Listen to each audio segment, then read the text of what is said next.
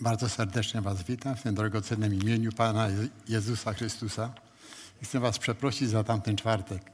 No niekiedy tak życie się układa, że nie przewidzimy pewnych rzeczy. Miałem tu być, ale nie byłem. Przepraszam bardzo. Więc ten wykład, co miał być w zeszłym czwartek, to jest teraz właśnie. To jest trzeci, y, właściwie czwarty wykład na temat przybytku. Czyli będzie na temat y, kapłaństwa na temat kapłaństwa. E, dzisiejszy wykład. Na początek e, chcę przypomnieć, dlaczego Bóg kazał wybudować przybytek. Kiedy popatrzymy do e, początku tej historii, to jest 25 rozdział drugiej Księgi Mojżeszowej, Bóg mówi przez Mojżesza do narodu izraelskiego – i wystawił mi świątynię, abym zamieszkał pośród nich. Po to był przybytek, czyli świątynia, żeby mógł Bóg zamieszkać pośród ludzi. A dalej żąda dokładnie według wzoru przybytku i wzoru wszystkich jego sprzętów, i wzoru, tak, i wzoru wszystkich jego sprzętów, które ci pokażę. Tak wykonacie. Bóg dał Mojżeszowi wzór przybytku, którego, który miał być wykonany. I tak e, miało być wszystko zrobione. Żadnych zmian. Dokładnie według e, Bożego planu, według Bożego wzoru mieli Izraelici zrobić przybytek. Nie zawsze Izraelici okazywali posłuszeństwo Panu Bogu, jak czytamy Słowo Boże, ale tym razem naprawdę się postarali i uczynili dokładnie tak, jak Bóg żądał. Y, w 39 rozdziale drugiej Księgi Mojżeszowej y, w 32 wierszu czytamy tak. Tak została ukończona wszelka praca nad przybytkiem namiotu zgromadzenia. Synowie izraelscy zrobili wszystko tak, jak nakazał Pan Mojżeszowi. Tak zrobili. A więc byli posłuszni i według wzoru, jaki Bóg dał Mojżeszowi i który nadzorował e, wykonanie e, przybytku, czyli tej świątyni, wszystko tak właśnie uczynili. A rezultatem e, tego było, co czytamy pod koniec 40 rozdziału drugiej Księgi Mojżeszowej. Wtedy obłok zakrył namiot zgromadzenia, a chwała Pana napełniła przybytek. Mojżesz nie mógł wejść do namiotu zgromadzenia, gdyż spoczywał na nim obłok, a chwała Pana napełniała przybytek. Dlatego, że Izraelici okazali posłuszeństwo Panu Bogu i wykonali wszystko według wzoru, jaki Bóg dał, y, tak właśnie taki był rezultat, czyli taki był wynik tego, że Bóg y, rzeczywiście zamieszkał w przybytku w tej najgłębszej części, w tej części, która jest nazywana świę... miejscem naj... najświętszym. W tej, w tym części y, y, Bóg y, zamieszkał. Tamtym razem wspominałem, że to miejsce święte, ono było wyposażone tylko w jeden element. To była skrzynia świadectwa albo skrzynia Boża. To jest właśnie ta część. A na tej skrzyni był, było wieko, które jest nazywane tronem, tronem Bożym, tronem Boga. Bóg powiedział z tego miejsca, e, czytałem to wtedy, to 25 rozdział drugiej Księgi Mojżeszowej, tam pod koniec e, ta skrzynia jest opisana e, i Bóg powiedział do Mojżesza, z tego miejsca będę z Tobą rozmawiał. A więc kiedy Izraelici wszystko wykonali tak, jak Bóg nakazał, e, chwała Pana napełniła przybytek, a zewnętrznie objawiało się to w postaci obłoku, czyli szekiny, szekiny, czyli obłok. Obłok. Czytamy, że a obłok, y, gdyż y, spoczywał na nim obłok, to jest 35 wiersz, a chwała Pana napełniała przybytek. Ten obłok ich prowadził w dzień ten obłok był widziany jak obłok. Natomiast w nocy ten obłok świecił. Jest to opisane pod koniec tego 40 rozdziału. Ilekroć obłok podnosił się w górę nad przybytkiem, wyruszali synowie izraelscy w drogę w ciągu całej swojej wędrówki. Gdy zaś obłok nie podnosił się, nie wyruszali w drogę, aż do dnia, gdy znowu się podniósł. Obłok Pana bowiem był nad przybytkiem w dzień, w nocy zaś był w nim ogień przed oczami całego domu izraelskiego w ciągu całej ich wędrówki. A więc wędrowali 40 lat. Więc to właśnie towarzyszył ten przybytek mm, i ten obłok. Właściwie obłok decydował, Bóg decydował o tym, kiedy Izraelici mają wyruszyć w tej wędrówce y, do następnego etapu y, i kiedy mają się zatrzymać, w jakim miejscu. To właśnie ten obłok o tym decydował. A więc widzicie, y, jednak społeczność, mimo obecności Boga w przybytku, społeczność z Bogiem była bardzo ograniczona. Właściwie to ograniczona była tylko do jednej osoby. E, tą osobą to był arcykapłan. Pierwszym arcykapłanem był Aaron, syn, e, e, brat Aarona. Brat Moj, Mojżesza, przepraszam. Brat Mojżesza. Aaron, czyli brat Mojżesza. I on był pierwszym arcykapłanem i właściwie tylko ta społeczność człowieka z Panem Bogiem, który mieszkał w miejscu najświętszym, ograniczała się do jednego dnia, na krótko. To był dzień przebłagania, tak zwany dzień Jom Kippur. Wtedy arcykapłan miał prawo odsunąć tą zasłonę, tą zasłonę wejść do środka i to musiał wejść z krwią ofiary. Kropił wieko nad y, skrzynią pańską i wtedy to wieko, jak czytałem tamtym razem, y, że Bóg, który miał prawo do osądu człowieka, osądzić człowieka, to to wieko y, zamieniało się w ubłagalnie właśnie przez tą krew, jaką, jaka była złożona ofiara tu na miejscu, w tym ołtarzu miedzianym, czyli ofiarnym. A więc ta społeczność człowieka z Bogiem była bardzo ograniczona. Ograniczała się tylko do jednego człowieka, do arcykapłana, raz w roku i to na krótko. Czy o to Bogu chodziło? Żeby właśnie na tym polegała ta społeczność człowieka z Bogiem? Na pewno nie. A o co Bogu chodziło, kiedy kazał wybudować ten przybytek? O tym będzie właśnie teraz ta dalsza część. To jest ta część na temat kapłaństwa. Bo wiecie, kiedy Bóg kazał wybudować przybytek, wyposażył go w te sprzęty, które omawialiśmy kolejno, to nie było to miejsce puste. Bóg powołał kapłanów i kapłani służyli właśnie w przybytku. Jak to wyglądało? Przeczytam na początku e, takie dwa teksty, które są bardzo podobne do siebie w brzmieniu. Jeden tekst jest ze Starego Testamentu, a drugi tekst jest z Nowego Testamentu. Mimo, że są tak bardzo podobne do siebie, jednak się tak różnią, o czym będę właśnie rozmawiał. Oto czytam z drugiej Księgi Mojżeszowej z 19 rozdziału z 19 rozdziału. Y, jest to sytuacja, kiedy y, Izraelici wyprowadzeni już mocną ręką Boga z niewoli egipskiej zostali doprowadzeni pod y, górę Synaj albo górę Choreb. I tam Bóg zawiera przymierze z tym narodem i mówi do nich tak.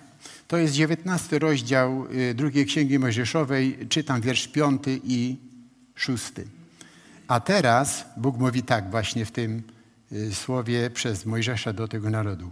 A teraz, jeżeli pilnie słuchać będziecie głosu mojego i przestrzegać mojego przymierza, będziecie szczególną moją własnością pośród wszystkich ludów, bo moja jest cała ziemia, a wy będziecie mi królestwem kapłańskim i narodem świętym. Takie są słowa, które powiesz synom izraelskim. To jest ten tekst ze Starego Testamentu. A teraz przeczytam z pierwszego listu Piotra, z drugiego rozdziału, wiersz dziewiąty. Ale wy jesteście rodem wybranym, królewskim kapłaństwem, narodem świętym, ludem nabytym, abyście rozgłaszali cnoty tego, który was powołał z ciemności do cudownej swojej światłości. Wy, którzy niegdyś byliście nie ludem, teraz jesteście ludem Bożym. Dla was niegdyś nie było zmiłowania, ale teraz zmiłowania dostąpiliście. Szczególnie te słowa, ale wy jesteście rodem wybranym, królewskim kapłaństwem, narodem świętym, ludem nabytym, to nam przypominają te słowa, e, te z 19 rozdziału drugiej Księgi Mojżeszowej. Mimo, że to tak podobnie brzmi, jednak jest ogromna różnica e, pomiędzy tymi, tymi wersetami, tymi tekstami. Ten tekst z 19 rozdziału z drugiej Księgi Mojżeszowej jest cieniem, jest zapowiedzią, jest proroctwem. Natomiast ten tekst z y, drugiego rozdziału y, pierwszego Piotra, ten dziewiąty wiersz, to jest rzeczywistość, to jest wypełnienie y, tego proroctwa. A jak do tego doszło, teraz właśnie będę o tym mówił. To właśnie, żebyśmy dostrzegli. Wracam do tego tekstu wyjściowego, 19 rozdział drugiej Księgi Mojżeszowej.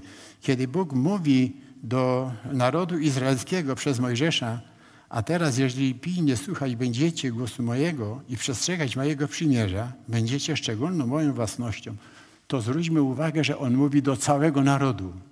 Nie mówi do jakiejś grupy wybranej z tego narodu, ale mówi do całego narodu. Cały naród miał być narodem świętym, królewskim kapłaństwem. Cały naród, nie jakaś grupa ludzi to y, w szóstym wierszu czytamy, a wy będziecie mi królestwem kapłańskim i narodem świętym.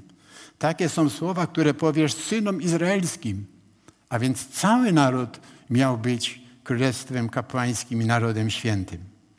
Mojżesz przekazał te słowa narodowi i naród z entuzjazmem odpowiedział na te słowa. Czytamy o tym w wierszu ósmym. Wtedy cały lud odpowiedział razem, mówiąc: Uczynimy wszystko, co Pan rozkazał.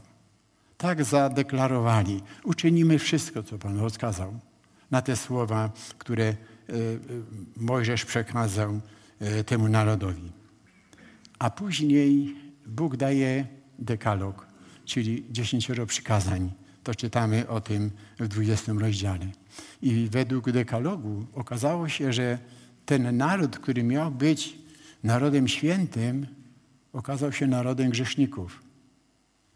Że to jest naród grzeszników. A wcale to nie jest naród święty. A Bóg nie może tak po prostu wśród grzeszników zamieszkać. Bóg jest święty. Jeżeli grzeszny człowiek bez usprawiedliwienia stanie przed Bogiem, zostanie osądzony, a Bóg chce oszczędzić człowieka, Bóg chce zamieszkać wśród człowieka, oszczędzić człowieka, żeby człowiek nie został osądzony. Dlatego też, kiedy ten naród okazał się y, narodem grzeszników, Bóg kazał wybudować przybytek. Dlatego został wybudowany przybytek. Bo Bóg mówi, wybudujecie przybytek, bo chcę zamieszkać pośród was. Bez tego przybytku nie byłoby warunków, żeby święty Bóg zamieszkał wśród grzeszników i żeby, się grzesznicy, żeby grzesznicy nie zostali osądzeni. To właśnie przybytek pokazuje warunki, jakie muszą być spełnione, żeby grzeszny człowiek mógł stanąć przed Bogiem i ostać się. To są te warunki, to jak pokazywałem, ta pierwsza zasłona. Chrystus. Musisz przyjść do Chrystusa. Musisz stanąć pod krzyżem Golgoty. Tam zostaniesz oczyszczony krwią Pana Jezusa. W tej pieśni dzisiaj tak pięknie śpiewaliśmy. To krew Chrystusa nas oczyściła z grzechów naszych. To krew Chrystusa. To jest pierwszy warunek, kiedy się upamiętasz i przychodzisz do, do Chrystusa. Wierzysz w Niego. to wierzysz przede wszystkim, że On jest tym barankiem Bożym, który Cię wykupił, który zgładził, cię z grzechy, który zgładził grzechy Twoje. Następnym warunkiem to jest działanie Boga w człowieku, który się upamiętał i stanął pod krzyżem. To jest uświęcenie, oddzielenie. Taki człowiek włączony jest do społeczności ludu wierzącego i jest po prostu włączony y, do miejsca świętego. Teraz tu na ziemi, teraz tu na ziemi. Ale tam w Starym Testamencie, jak zaraz będę mówił o kapłaństwie, to nawet kapłani, którzy służyli tu w miejscu świętym, nie mogli wejść do miejsca najświętszego, bo na, na przeszkodzie była ta zasłona. Ta zasłona, o której nie powiedziałem tamtym razem, mówię, że powiedziałem, że ją omówiłem w tej chwili. Ta zasłona była nie do przebycia, nawet dla kapłanów. A za tą zasłoną była obecność Boga. Jedynie arcykapłan raz w roku i to z ofiarą mógł wejść na krótko. Taka była społeczność. Ale Bóg nie chciał tego, żeby była społeczność taka krótka i tylko z jednym człowiekiem. Bóg chce mieć społeczność z ludźmi. Z ludźmi. Chce ich zbawić. Dlatego też, kiedy już przybytek został wybudowany, Bóg powołuje kapłanów. Pewną grupę ludzi, którzy w swoim powołaniu również mają takie prorocze znaczenie dla nas, czym są kapłani, na co wskazują kapłani. Kiedy popatrzymy do 28 rozdziału e, drugiej Księgi Mojżeszowej, to tam na samym początku, w pierwszym wierszu, Bóg mówi takie słowa. 28 rozdział, druga Księga Mojżeszowa, pierwszy wiersz. Bóg mówi takie słowa przez Mojżesza. A ty każ stanąć przed sobą spośród synów izraelskich Aaronowi, swemu bratu i jego synom z nim, aby pełnił mi służbę kapłana Aaron, Nadab, Abichu, Eleazar i Itamar, synowie Aarona. A więc Aaron i jego czterej synowie mieli być powołani na kapłanów. Zwróćcie uwagę, tu już jest, już tu jest pewne przesłanie. To była rodzina. Bóg nie, nie wybrał z poszczególnych plemion y, jakichś najlepszych ludzi i z nich uczynił kapłanów. Powołał rodzinę, aby tam w Starym Testamencie być kapłanem, trzeba było się narodzić w tej rodzinie. Z tej rodziny dopiero mógł być kapłanem, czyli z rodziny Aarona. To jest takie przesłanie już pierwsze.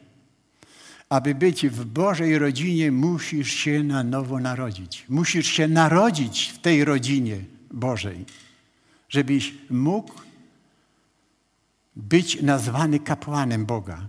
Musisz się na nowo narodzić. Pan Jezus o tym powiedział. Tu już widzimy to lepiej wytłumaczone już w Starym Testamencie. A więc Bóg powołuje jedną rodzinę.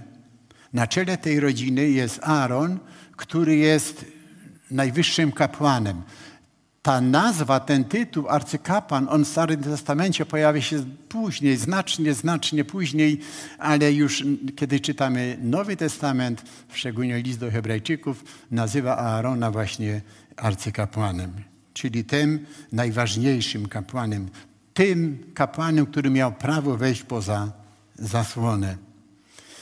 A więc y, główna postać, arcykapłan, wyróżniał się ubiorem. On wyróżniał się ubiorem. Bóg kazał go ubrać w takie dostojne szaty, które były tak trudne do wykonania, że Bóg musiał obdarzyć pewnych ludzi pewnymi talentami, pewnymi zdolnościami, żeby takie szaty potrafili wykonać. E, czytamy o tym w drugim wierszu tego 28 rozdziału. Sprawisz też bratu swemu Aaronowi święte szaty na cześć i dla ozdoby, Porozmawiaj też ze wszystkimi wprawionymi w rzemiośle, których obdarowałem duchem mądrości, aby zrobili szaty dla Aarona. by wyświęcony pełnił mi służbę jako kapłan. Aaron był wyróżniony przez ubiór. Jest tu, jest tu powiedziane, że to miały być szaty na cześć i dla ozdoby. I później są opisane te szaty w czwartym wierszu. A oto szaty, które mają zrobić napierśnik, efot, płaszcz, tunika haftowana, zawój i pas. I zrobią te święte szaty dla Aarona, twojego brata i dla jego synów, aby mi pełnili służbę jako kapłani. Mam tu taki obrazek, prawdopodobnie będzie to y, przybliżone i tam to będzie y, wrzucone na ekran, które pokazują tak wizualnie mniej więcej, jak te szaty arcykapłana wyglądały. Tu jest powiedziane, że na pierwszym miejscu jest napierśnik. Była to taka kwadratowa y, materia z materiału, na którym było w czterech rzędach po trzy w jednym rzędzie były szlachetne kamienie. I na każdym z tych kamieni było wyryte jedno z imion, e, z plemion e, narodu izraelskiego. Wszystko to było, ten napierśnik e, był na, jak tu jest później powiedziane, na efodzie. Efod to była taka trochę przykrótka suknia. Warto przeczytać, jak ten efod był wykonany, bo tam znowu spotykamy te kolory, które już spotkaliśmy wcześniej, a które wskazywały nam na osobę Pana Jezusa. I będziemy widzieli po tych kolorach, że Duch Święty bardzo konsekwentnie trzyma się raz obranego symbolu i go nie zmienia, i w tym efodzie, który miał wskazywać na osobę Pana Jezusa Chrystusa, znowu te kolory znajdujemy. Czytamy w szóstym wierszu. Efod zrobią ze złota, z fioletowej i czerwonej purpury i karmazynu i ze skręconego bisioru wzorzyście haftowane. Więc tu jest dodane tylko złoto. Oprócz tych czterech kolorów, biały, niebieski, czerwony i purpurowy. Jeszcze jest złoty kolor. Już tłumaczyłem, na co złoto wskazuje, na bóstwo, e, na bóstwo Pana Jezusa Chrystusa. A więc widzicie, ten efot, którym był ubrany arcykapłan, wskazuje, że arcykapłan jest e, zapowiedzią Chrystusa, tego doskonałego arcykapłana. I tak później o tym czytamy w liście do Hebrajczyków. Y, były dwa naramienniki i na tych naramiennikach y, po jednej i po drugiej stronie było po sześć znowu takich szlachetnych kamieni. Y, na każdym z tych kamieni znowu były imiona synów izraelskich. Czytamy o tym w ten sposób. Dwunasty wiersz. Te dwa kamienie umieścisz na naramiennikach efodu jako kamienie pamiątkowe dla synów izraelskich i nosić będzie Aaron ich imiona przed Panem na swych obu ramionach na pamiątkę. A więc jeżeli sobie uzmysłowimy, że arcykapłan Aaron jest zapowiedzią doskonałego arcykapłaństwa Pana Jezusa Chrystusa, to arcykapłan, on tymi naramiennikami, on reprezentuje przed Bogiem swój lud. Jest powiedziane, nosić będziesz przed Panem na swych obu ramionach na pamiątkę. Ale teraz jeszcze wrócę do, y, do tego napierśnika. To było takie bardzo oficjalne y, na te naramienniki. Na napierśniku każdy kamień, było ich 12, reprezentował jedno z plemion izraelskich. I było to na sercu. Tak pisze o tym e, Słowo Boże. Jest powiedziane tak. W 29 wierszu tej e, drugiej Księgi Mojżeszowej, 28 rozdziału. Aaron będzie nosił imiona synów izraelskich na napierśniku wyrocznym, na swoim sercu, aby y, gdy będzie wchodził do miejsca świętego, ku stałej pamięci przed Panem. Wiecie, to naprawdę nas tak zagrzewa, jeżeli sobie uzmysławiamy, że arcykapłan starotestamentowy jest zapowiedzią, jest cieniem mm, tego doskonałego kapłaństwa, e, arcykapłaństwa Pana, Pana Jezusa Chrystusa i czytamy e, takie słowa, że arcykapłan e, nosił na sercu Boży lud przed Panem. Tak jest z nami, kiedy swoje życie oddajemy Chrystusowi. On nas reprezentuje, On nas nosi na sercu przed Bożym Tronem. Ale rozpatrujmy dalej y, te, ten ubiór. Same napier, sam napierśnik był wykonany z takiego podwójnego materiału. Starsi ludzie pamiętają, były takie mówki, kiedy jeszcze nie było rękawic, były mówki. I jak były zimy, to do mufek wkładało się ręce przed mrozem. I tak mniej więcej właśnie ten napierśnik był tak skonstruowany, z takiego podwójnego materiału.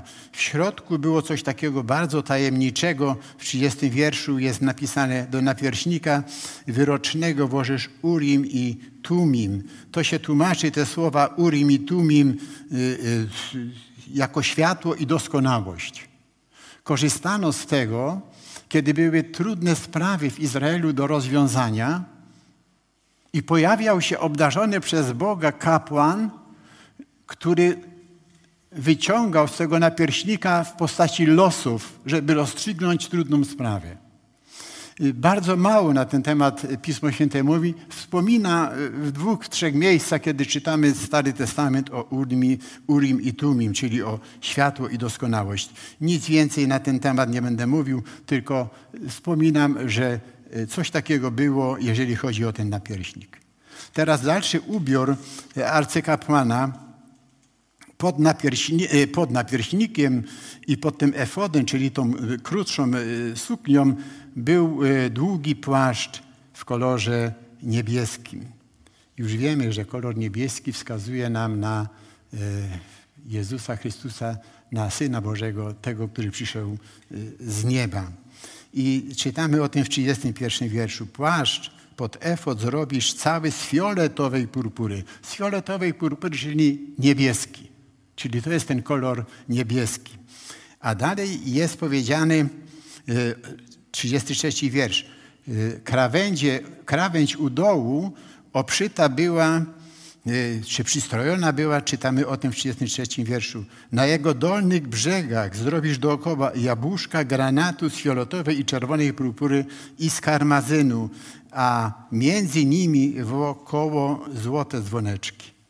A więc tak to wyglądało, że na samym dole, jak się kończył ten płaszcz niebieski, było, raz był owoc granatu i złoty dzwoneczek. Owoc granatu i złoty dzwoneczek. Kiedy on się poruszał, te dzwoneczki wydawały głos. A owoc mówi nam po prostu o owocu. I odczytywane to jest w ten sposób, że my, jako ludzie zbawieni, powinniśmy świadczyć, powinniśmy świadczyć, głosić Ewangelię. Kiedy czytałem z pierwszego Piotra ten drugi rozdział, dziewiąty wiersz, to tam jest ta druga część tego wiersza, abyśmy rozgłaszali, abyśmy głosili Ewangelię, po prostu tak najprościej mówiąc. I to te dzwoneczki nam mówią, że my powinniśmy głosić Ewangelię ale ten owoc y, nam mówi, że nasze życie powinno potwierdzać, nasze zachowanie powinno potwierdzać, że to, co mówimy, jest prawdą.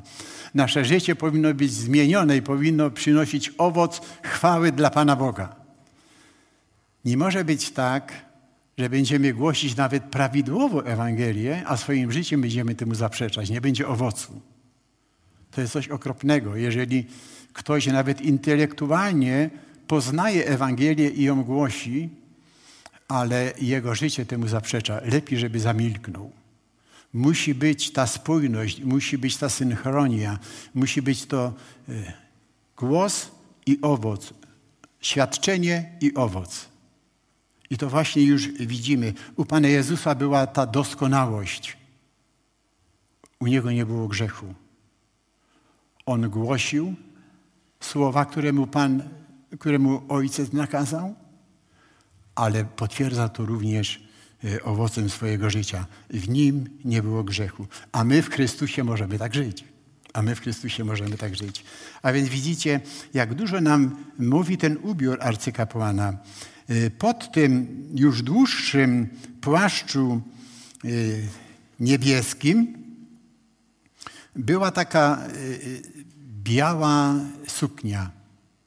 Ona jest opisana Ona jest opisana w 39 wierszu. Utkaż, e, też wzorzyście tunikę z bisioru i zrobisz zawój z bisioru oraz pas e, wzorzyście haftowany. Ale przede wszystkim ten pierwszy wiersz, ta pierwsza linijka. Utkaż też wzorzyście tunikę z bisioru. Więc ta e, tunika z bisioru znowu jest ten biały kolor. Mówi o sprawiedliwości. Kiedy wiemy, że arcykapłan czyli Aaron w tym wypadku, jest zapowiedzią tego doskonałego arcykapłana, Pana Jezusa Chrystusa, to wiemy, że ten biały kolor wskazuje nam na sprawiedliwość Chrystusa. On był sprawiedliwy, on był czysty. On był oddzielony od grzechu, w nim grzechu nie było. I to ta tunika, ona była prawie do stóp, do kostek. W ten sposób. Na głowie to już w tym 39 wierszu było y, napisane, ale musimy wrócić do 37, tam to jest bardziej szczegółowo, że przymocujesz, aha, jeszcze 36, zrobisz też diadem, to była taka złota blaszka, a na tym było wyryte poświęcony Panu. A ta blaszka była umocowana na zawoju, czyli takim nakryciu, czyli tiarze, byśmy mogli powiedzieć. I teraz to już czytam ten 36 i 37 razem. Zrobisz też diadem ze, sztuczne, ze szczerego złota i wyryjesz na nim y, jak na pieczęci napis poświęcony Panu. Przymocujesz go sznurem z fioletowej purpury do zawoju na głowie. Będzie on na przedzie zawoju. Poświęcony Panu. Tylko arcykapłan miał tą złotą blaszkę, ten diadem z napisem poświęcony Panu. I Pan Jezus, kiedy tu żył na ziemi, On w całości był poświęcony Panu. On w całości służył swojemu Ojcu. Przyszedł na ziemię z tym poselstwem, z którego posłał Bóg Ojciec i On całkowicie był poświęcony Panu. Natomiast i tak był ubrany arcykapłan. Pas, którym był przepasany, pas w Starym Testamencie mówi o mocy. I arcykapłan był właśnie e, takim zapowiedzią, e, symbolem mocy, którą później dysponował nasz Zbawiciel Pan Jezus Chrystus. E, w 40 wierszu opisany jest ubiór kapłanów kapłani byli ubrani o wiele skromniej, ale też dla nich był przygotowany specjalny strój. Czytamy o tym w 40 wierszu. Dla synów Aarona zrobisz także tuniki i zrobisz im pasy i nakrycia głowy na cześć i dla ozdoby. Synowie, synowie Aarona, czyli kapłani, mieli tylko tuniki białe szaty. Kiedy wiemy, że kapłani to jest zapowiedź zbawionego Bożego ludu, czyli Ciebie i mnie z Bożej łaski, to my jesteśmy przyodziani sprawiedliwością Chrystusową. To jest ta biała szata. To nie my samych siebie doszli do takiej pozycji przed Bogiem, że się możemy pochwalić jakąś sprawiedliwością. Ale to wtedy, kiedy jesteśmy w Chrystusie, a On jest sprawiedliwy, to Jego sprawiedliwość nam została przypisana. I to już jest zapowiedzią w tym kapłaństwie Aaronowym. Kapłani byli obrani, ubrani tylko w białe tuniki. Mieli ten zawój na głowie, ale bez tego, bez tego diademu, no niestety jesteśmy grzesznymi ludźmi. To, co jest w nas dobrego, to to jest od Chrystusa. Żyjemy w tym świecie. E, mamy, jest ten przepasany, jest ten pas. My możemy korzystać z mocy, nie z własnej mocy, ale wtedy, kiedy jesteśmy w Chrystusie. To ten pas nam mówi. Pan Jezus ostrzegł, beze mnie nic nie jesteście w stanie uczynić. Wiecie, i to były te szaty dla arcykapłana i dla kapłanów. I znaczenie tych szat. Ta zapowiedź, ten cień, który jeżeli chodzi o arcykapłana wypełnił się w Chrystusie, a jeżeli chodzi o kapłanów w Bożym ludzie Nowego Testamentu, czyli w Kościele. I wydawałoby się, że same te dolne szaty, te tuniki były aż do kostek, że w zasadzie nic już by nie brakowało im, a mimo wszystko w 42 wierszu czytamy Zrobisz też dla nich spodnie lniane dla zakrycia nagości od bioder do goleni. By mógł ktoś powiedzieć, o jaką nagość tu chodzi. Przecież nawet e, kostek nie było bardzo widać, tylko były stopy. Wiecie jednak, y, Bóg jest y, Bogiem przyzwoitości, a człowiek ma wyobraźnię. Grzeszny człowiek ma wyobraźnię. I wie, że oni tam pod spodem nie byli ubrani, gdyby nie mieli tych spodni. I może mieć różne wyobrażenia. Dlatego Bóg, Bogiem przyzwoitości, kazał jeszcze przygotować dla nich spodnie, żeby wdziali spodnie. Wiecie, jest to taka wielka lekcja dla nas, e, ludzi. E, golizna, kiedy znamy troszeczkę historię kultów e, pogańskich, golizna charakteryzowała właśnie pogańskie kulty. Pokazać jak najwięcej ciała. I to dzisiaj widzimy w świecie, że promuje się goliznę, żeby szczególnie młodzi ludzie ubierali się skąpo. Że jeżeli, jeżeli człowiek rzeczywiście, i to młody człowiek, oddaje swoje życie Jezusowi Chrystusowi, to raczej nie będzie się chwalił golizną przed światem, a raczej będzie dążył do tego, żeby być świadectwem i żeby, być, żeby przynosić owoc, żeby być przyzwoicie ubranym do młodych ludzi szczególnie kieruję tu w tym miejscu to słowo, no bo my starsi to nie mamy się czym chwalić, ale młodzi ludzie, żebyśmy nie naślado- żeby nie naśladować świata, który promuje goliznę. My się powinniśmy ubrać i młodzi ludzie tak samo, powinni się ubrać przyzwoicie, nie powinniśmy się ubierać jak amisze staro, staromodnie jakieś tam, prawda. Można się ubrać przyzwoicie i wcale nie trzeba świecić golizną. Można, jeżeli się chce. A więc na to zwracam uwagę, na ten 42 wiersz. Bóg powiedział, zrobisz jeszcze spodnie lniane dla zakrycia nagości. Żadna nagość przed światem. Takie jest przesłanie biblijne. No i już te szaty były wszystkie gotowe. I można by było teraz myśleć, no to teraz chodźcie kapłani i arcykapłanie i ubierzcie się w te szaty. Jeszcze nie. Jeszcze nie. Jeszcze było jedno wydarzenie, które bardzo dużo nam mówi. Oto y, czytamy tak.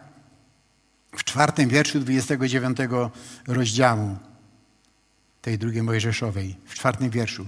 Aaronowi zaś i jego synom każesz podejść ku wejściu do namiotu zgromadzenia i obmyjesz ich wodą. Czyli w to miejsce mieli przyjść Aaron i jego synowie, mieli się rozebrać i tą wodą byli obmyci z góry na dół. To była czynność jednorazowa, niepowtarzalna. Dużo nam to mówi, prawda? Później w Nowym Testamencie też słowa Pana Jezusa. Kto jest obmyty, nie powinien się myć, chyba tylko, że ręce i nogi. To jest czynność jednorazowa. Jeżeli Bóg cię powołuje i przechodzisz tą drogą, Bóg cię obmywa jednorazowo. Jesteś czysty. I teraz możesz się ubrać w sprawiedliwość Chrystusową. To właśnie y, dotyczyło i arcykapłana w tym wypadku. W liście do Hebrajczyków jest napisane, bo był człowiekiem i kapłanów. A dalej jest powiedziane w siódmym wierszu tego, y, tego 29 rozdziału. Potem weźmiesz olej namaszczenia, wylejesz na jego głowę i namaścisz go. Następnie każesz podejść jego synom i przyodziejesz ich w tuniki i przepaszesz. I dopiero teraz mogli się ubrać. Dopiero w tej chwili. Oczyszczony krwią Pana Jezusa Chrystusa, obmyty, że człowiek jest sprawiedliwy przed Bogiem, bo jest w Chrystusie. Jest przyodziany. Dopiero teraz jest przyodziany tą szatą sprawiedliwości Chrystusowej. I dopiero teraz mogli oni zacząć y, y, mogli zacząć pełnić funkcję, y, do jakiej zostali powołani. Rola kapłanów, rola kapłanów w przybytku była dwojaka. Pierwsza rola to mieli społeczność w miejscu świętym. Tu się zgromadzali. A pamiętamy, co było w miejscu świętym. Były trzy rzeczy. Był świecznik, który pokazuje na światło Chrystusa. Był, był stół z chlebami pokładnymi, który pokazuje nam na karmienie się Słowem Bożym. Pamiętacie to, że ten świecznik tak był ustawiony, żeby rzucał światło na przeciwległą stronę, a na przeciwległej stronie były te chleby pokładne, które mówią nam o Słowie Bożym. No i był również ten ołtarz kadzidlany. Y, tłumaczyłem to, że kadzidło to jest y, y, symbol modlitwy. A więc to była ta pierwsza rzecz, pierwsza rola kapłanów, że mieli społeczność ze sobą. Żyli w świetle Chrystusa, karmili się Chrystusem i przez Chrystusa kierowali swoje modlitwy do Boga. To była pierwsza rzecz. Ale e, druga ich rola to było wychodzenie. Kiedy grzesznik przychodził tu, to oni go zapraszali właśnie do ołtarza ofiarnego. To jest taka druga rola arcykapłanów. I, e, kapłanów. jeżeli wiemy, że kapłaństwo e, to jest zapowiedź zbawionego ludu w Nowym Testamencie, to jest taka nasza rola. Społeczność między sobą. Tu jesteśmy teraz jako Boży lud. Jest nam tu dobrze ze sobą. Y, Chrystus nas zbawił. Żyjemy w Jego świetle. Karmimy się Jego Słowem. Modlimy się do Boga Ojca, bo jesteśmy dziećmi. Y, ten tytuł nam dał sam Jezus Chrystus. I to jest to wypełnienie. Ale wychodzimy też również i zapraszamy ludzi. Przyjdź do Chrystusa. Upamiętaj się, przyjdź do Chrystusa, stań pod krzyżem. On cię oczyści, On cię zbawi. On ci da, da moc nad grzechem. Nie musisz y, się męczyć, nie musisz być alkoholikiem, nie musisz ćpać, nie musisz być ciężarem w rodzinie, w społeczeństwie. Mamy zapraszać ludzi do Chrystusa. To w Chrystusie jest zwycięstwo, w Chrystusie jest przebaczenie. A więc ta rola kapłanów, ta podwójna rola kapłanów, tak jak tu jesteśmy, to właśnie jest wypełnienie miejsca świętego. Ale jak się rozejdziemy, słyszałem tutaj, że Grzegorz powiedział, że tam w Czerwionce czy gdzieś będziecie mieli ewangelizację. Wychodzicie do świata, wychodzimy do świata i głosimy im Ewangelię. Zapraszamy ich pod krzyż Golgoty. Ludzie tego potrzebują. A więc to jest ta rola kapłanów. Natomiast rola arcykapłana była nadzwyczajna. Tak jak już mówiłem, on jedyny miał prawo odsunąć ta, tą zasłonę i wejść, ale tylko z krwią ofiary za tą zasłonę. O czym ta ta zasłona mówi. Wiecie, wypełni się czas. Cały Stary Testament się zaczyna wypełniać. Przesłanie całego Starego Testamentu się wypełnia. A przesłanie Starego Testamentu jest o Chrystusie. Sam Pan Jezus powiedział, Mojżesz o mnie napisał. Wypełnia się czas. Na ziemię przychodzi Boży Syn i umiera. I oto czytamy w księdze, y, w Ewangelii Marka, w 15 rozdziale. Pan Jezus umiera na krzyżu Golgoty. Za nas, za nas grzeszników umiera. I czytamy w 15 rozdziale 37 i 38 wiersz. Jezus zaś zawołał donośnym głosem i oddał ducha. Z Ewangelii wiemy, co Pan Jezus zawołał donośnym głosem. To z Ewangelii, co z Ewangelii wiemy, tam gdybyśmy poczytali z Ewangelii Jana, to wiemy, że On zawołał, wykonało się. Wykonało się w Jezusie całe przesłanie prorocze o Nim. Wypełnił wszystko. I teraz mógł oddać ducha. I co się dzieje, kiedy Jezus umiera? 38 wiersz. Wtedy zasłona świątyni rozdarła się na dwoje, od góry aż do dołu. Niezwykła rzecz. Nie ta zasłona się rozdarła. Nie ta zasłona się rozdarła. Ta zasłona się rozdarła. Potężna zasłona świątyni. Jest powiedziane, że ona się rozdarła od góry na dół. Wiecie, żeby nie było takiego kombinowania ludzkiego, tak jak to ludzie później próbowali kombinować przy zmartwychwstaniu Pana Jezusa, kiedy grób był pusty. Żeby tu nie było takiego gmatwania, że to ludzie może rozerwali. Jest podkreślone, ta zasłona się rozerwała z góry na dół. To było działanie Boże. Jezus umiera. Dokonuje się nasze zbawienie zasłona jest usunięta. Zasłona, która ma te same kolory, które wskazuje na Pana Jezusa Chrystusa. Jeżeli jeszcze wrócimy do y, tej drugiej księgi Mojżeszowej, y, tam przeczytam z tej drugiej księgi Mojżeszowej, to będzie wiersz 20, to będzie rozdział 26. A mam trzecią otwartą, przepraszam. Y, druga księga Mojżeszowa, rozdział 26 ta zasłona jest opisana od 31 wiersza aż do wiersza 34. Tam jest opisana ta zasłona. I tam również odkrywamy, że ta zasłona jest czterokolorowa. Czyli widzimy, że ta zasłona znowu wskazuje nam na osobę Pana Jezusa Chrystusa. Teraz Pan Jezus umiera, ta zasłona się roz, rozrywa, usuwa. Co to znaczy?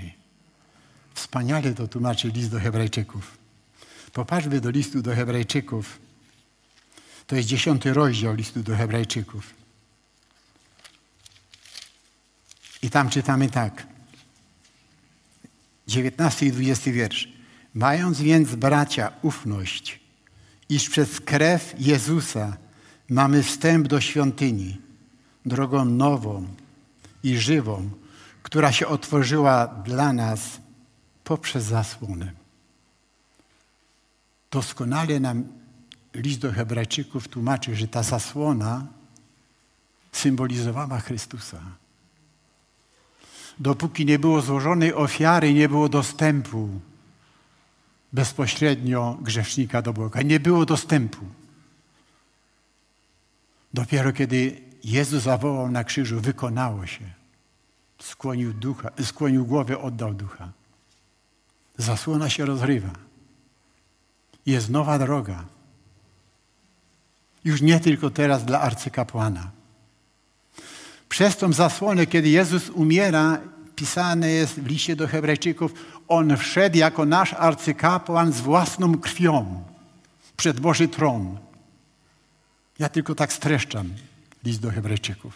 W siódmym rozdziale to przeczytamy, w dziewiątym rozdziale to przeczytamy, w dziesiątym. I nie tylko na chwilę, ale usiadł po prawicy tronu majestatu w niebie. On wszedł z własną krwią. Jednak muszę to przeczytać, bo to jest takie ważne. w dziewiątym rozdziale, dwunasty wiersz. Wszedł raz na zawsze do świątyni, nie z krwią kozłów i cielców, ale z własną krwią swoją, dokonawszy wiecznego odkupienia. Wiecznego odkupienia.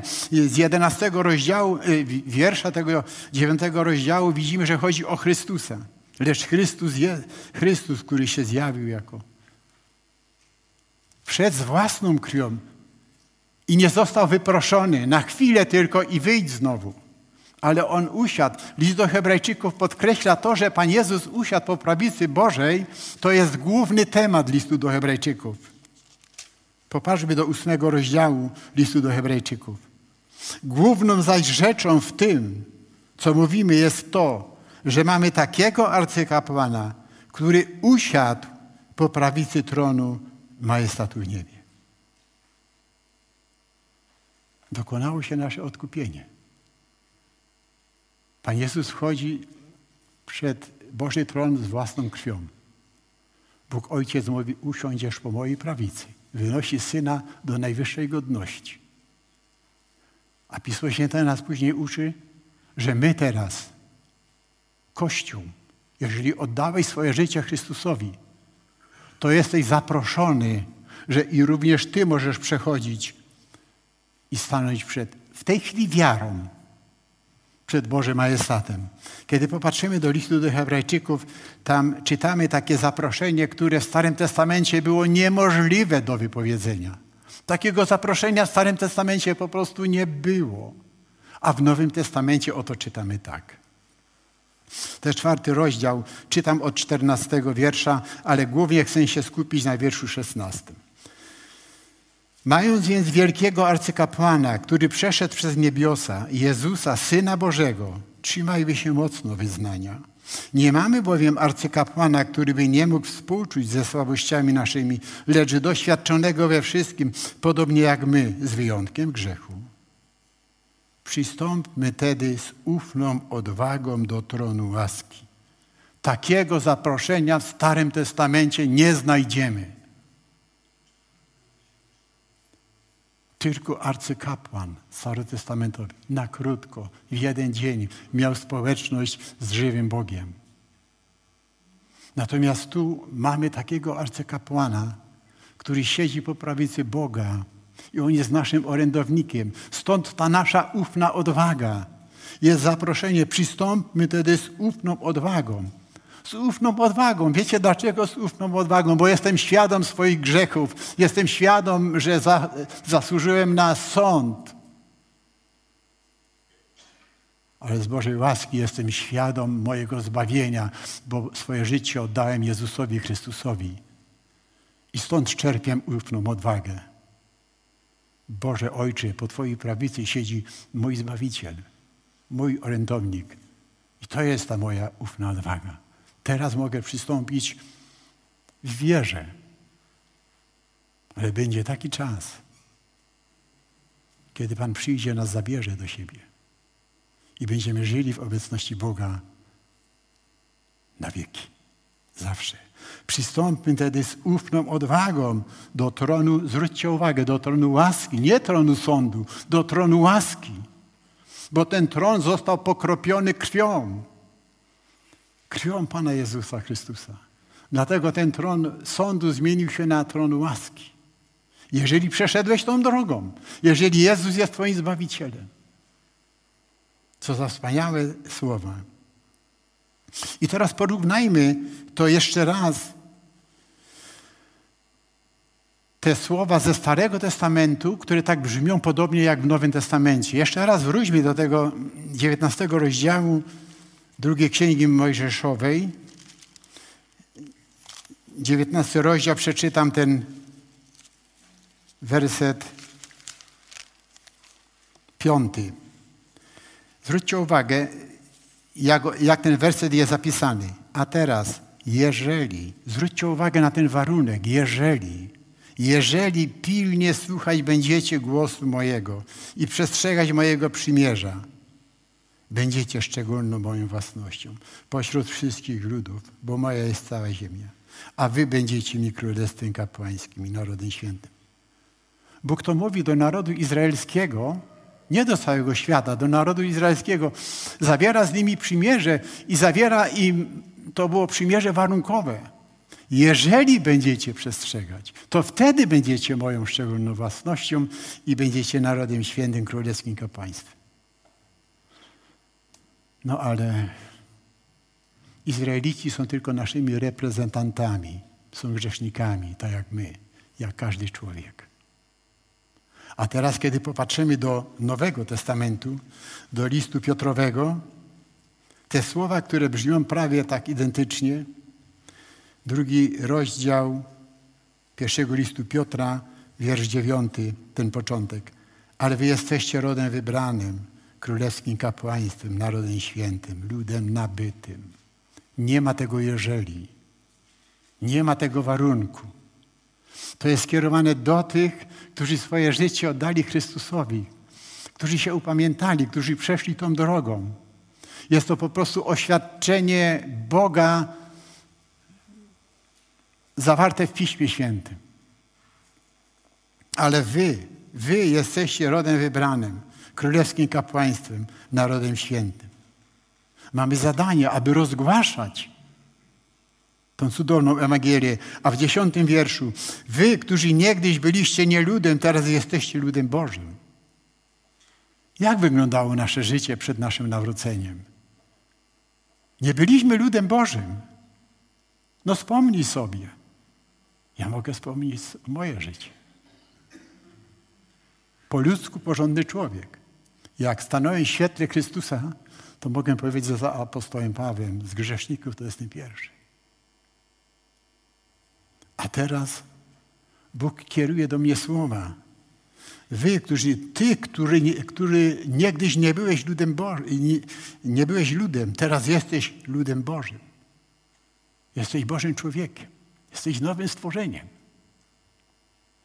Swoje życie oddałeś Chrystusowi. Przeszedłeś tą, drogą.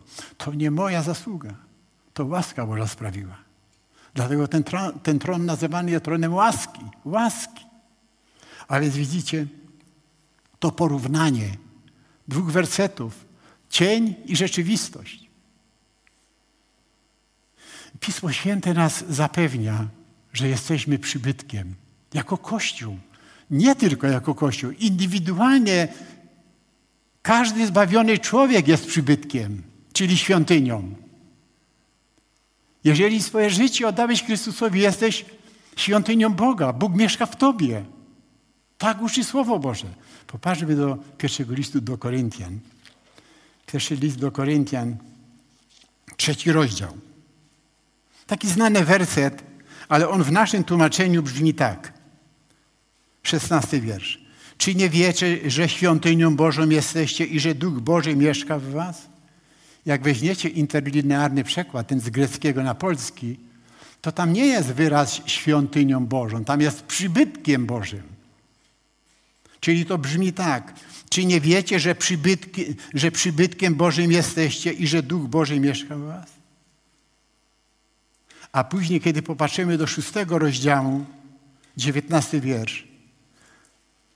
Albo czy nie wiecie, że ciało wasze jest świątynią Ducha Świętego? I znowu w oryginale jest, ale czy nie wiecie, że ciało wasze jest przybytkiem Ducha Świętego, który jest was i którego macie od Boga i że nie należycie do siebie samych?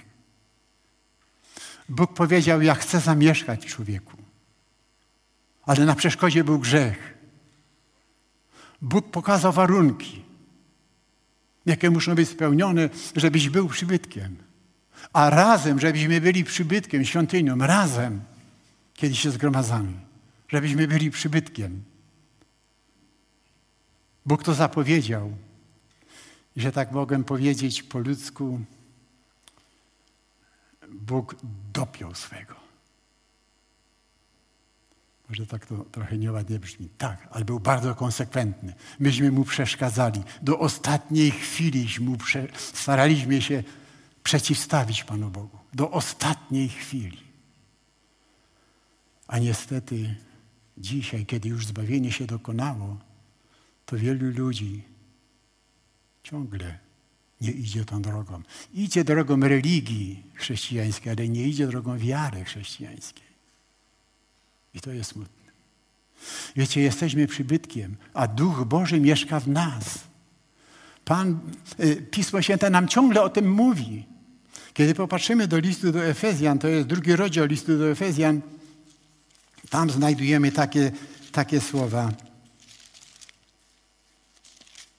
Drugi rozdział listu do Efezjan. Czytam, można by było przeczytać wcześniej, ale czytam od wiersza 19 tego drugiego rozdziału listu do Efezjan. Tak więc już nie jesteście obcymi i przychodniami, lecz współobywatelami świętych i domownikami Boga. Słyszycie? Jesteśmy domownikami Boga. Jesteśmy w domu. Kiedy jesteś w Chrystusie. Czytamy dalej. Zbudowanie na fundamencie apostołów i proroków, którego kamieniem węgielnym jest sam Chrystus Jezus. On jest u podstawy naszej wiary. On jest fundamentem naszej wiary. Chrystus Jezus. I co na tym fundamencie budujemy? 21 wiersz. Na którym cała budowa, tu ja mówię o kościele, cała budowa to jest kościół. Kościół, ludzie zbawieni. W tym duchowym znaczeniu Kościół, nie w tym powszechnym, w tym biblijnym znaczeniu Kościół, na którym cała budowa mocno spojona rośnie w przybytek święty w Panu na którym i wy się wespół budujecie na mieszkanie Boże. Na mieszkanie Boże w duchu. O to chodzi Panu Bogu. Chce zamieszkać w człowieku. W Chrystusie, kiedy staniesz na tym fundamencie. Ty jesteś mieszkaniem Bożym w duchu. Pan Jezus kiedyś wypowiedział niezwykłe słowa. One są zapisane w Ewangelii Jana. Jeden człowiek na słowa Pana Jezusa zadał mu takie pytanie: Panie, czemu do nas mówisz, a nie do świata? Popatrzmy, to jest Ewangelia Jana, 15, 14 y, rozdział. Czytam od 22 wiersza. Rzekł mu Judasz, nie Iskariota. Panie, cóż się stało, że masz się nam objawić, a nie światu? Nie rozumiał jeszcze tych rzeczy. Jeszcze nie był oświecony Duchem Świętym, bo jeszcze nie był Duch Święty dany. Ale mówi, czemu do nas, a nie do świata? I teraz czytajmy tą odpowiedź Pana Jezusa, 23 wiersz. Odpowiedział Jezus i rzekł mu, jeśli kto mnie miłuje i słowa mojego przestrzegać będzie, i Ojciec mój umiłuje go, i do Niego przyjdziemy i u Niego zamieszkamy. Kochani, to jest słowo, które dotyczy każdego wierzącego. Jeśli kochasz Pana Jezusa Chrystusa, a to miłość wyrażasz nie tylko werbalnie, ale swoim życiem, przynosisz owoc, przestrzegasz Jego słowa. To masz zapewnienie samego Chrystusa. Do Niego przyjdziemy i u Niego zamieszkamy. Jesteś przybytkiem, jesteś świątynią. Jesteśmy przybytkiem, jesteśmy świątynią Boga. Bóg zapowiedział w Starym Testamencie i wykonał w Jezusie Chrystusie. Wiecie, to jest właściwie przesłanie przybytku. W całości pokazana droga zbawienia. Jest, taka, jest taki wspaniały tekst, już na, na prawie zakończenie Pisma Świętego. To jest 21 rozdział objawienia Jana czytamy od początku takie słowa.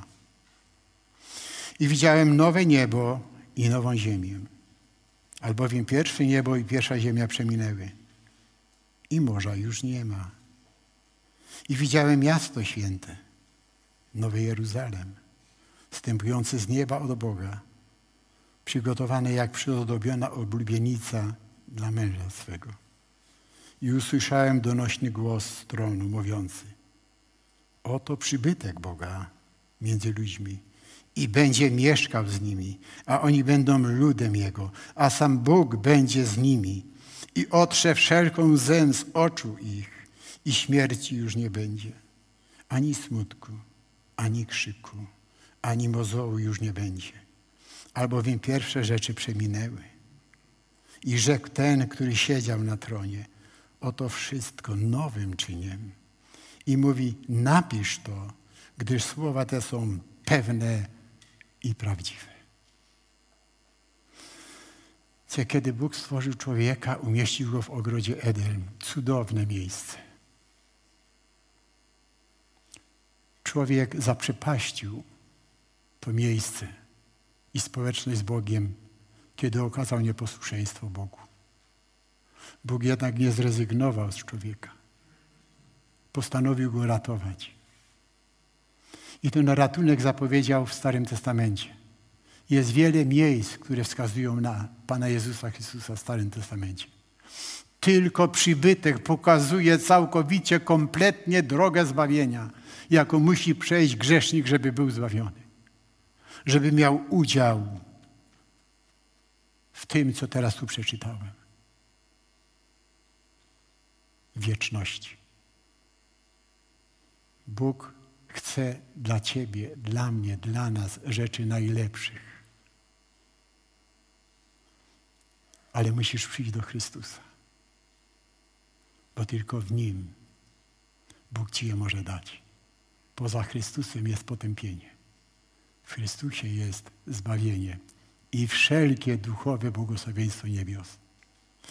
Wiecie, i to ten opis tej duchowej, wiecznej rzeczywistości. A kończy się Biblia wspaniale takim pewnym okrzykiem, który może wydobyć się tylko z wierzącego serca. A jest to już na samym końcu objawienia Jana. 20 wiersz z 22 rozdziału. Mówi ten, który świadczy o tym. Tak, przyjdę wkrótce. A odpowiedź, odpowiedź wierzących, odpowiedź wierzącego serca, odpowiedź Twoja i moja, jeżeli Chrystus jest Twoim Zbawicielem i Panem, brzmi Amen. Przyjdź, Panie Jezu. I czekamy na Jego przyjście. A póki co, łaska Pana Jezusa niech będzie z wszystkimi, z Tobą i ze mną. Łaska Pana Jezusa niech będzie z wszystkimi. Pochylmy głowy.